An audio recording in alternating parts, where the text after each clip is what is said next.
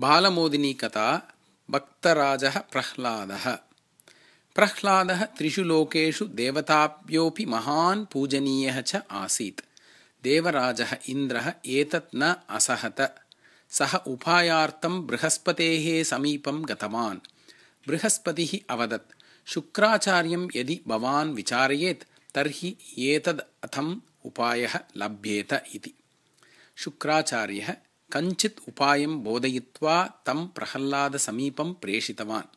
इन्द्रः ब्राह्मणवेषेण प्रह्लादनिकटं गत्वा कथितवान्। राजन् अहं भवतः ऐहलौकिकस्य पारलौकिकस्य च कल्याणस्य मार्गस्य तत्त्वं ज्ञातुम् इच्छामि। भवान् तत् तत्त्वं माम् उपदिशतु कृपया इति। प्रह्लादः एतत् अङ्गीकृत्य तस्मै ज्ञानतत्त्वं बोधितवान् ततः वेषान्तरधारी इन्द्रः अपृच्छत्। त्रैलोक्यनाथ भवता एतत् त्रैलोक्यनाथत्वं कथं प्राप्तम् इति। तदा प्रह्लादः उक्तवान् अहं ज्ञानिनः महापुरुषान् सदाचारिणः वेदनिष्ठाञ्च सदा ससम्मानं पश्यामि। तेषां निन्दां कदापि न करोमि श्रेयसः प्राप्तेः एकमात्रम् उपायः अस्ति शीलम्। शीलप्राप्तेः उपायः अस्ति अद्रोहः। परहितचिन्तनं सर्वेषु करुणा दानशीलता च इति। अकरणीयाः अंशाः के इति अपृच्छत् इन्द्रः।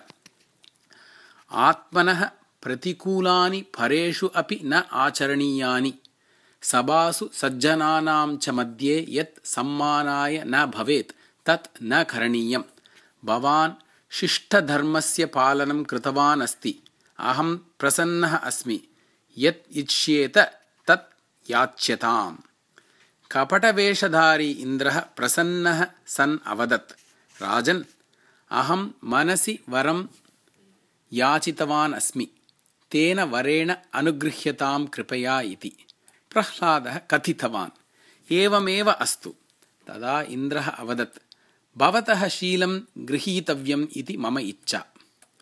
प्रह्लादः वचनं पूरितवान्। वेषाधारी इन्द्रः सफलमनोरथः भूत्वा ततः निर्गतवान्। ततः प्रह्लादस्य शरीरतः एकः तेजोमयः पुरुषः छायारूपेण प्रत्यक्षीभूय अहं शीलरूपः अस्मि इति उक्त्वा अन्तर्धानं प्राप्य देवलोकम् उपेत्य इन्द्रस्य शरीरं प्राविशत्।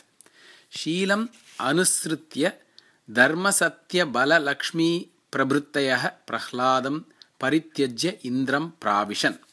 प्रह्लादः लक्ष्मीमुखात् ज्ञातवान् यत् देवराजः इन्द्रः एव ब्राह्मणरूपेण आगत्य शीलम् अपहृतवान् इति। प्रह्लादः एतत् भगवतः आशीर्वादं मन्यमानः। नैमिषारण्यं गत्वा भगवतः विष्णोः ध्यानं कुर्वन् आनन्देन दिनानि अयापयत्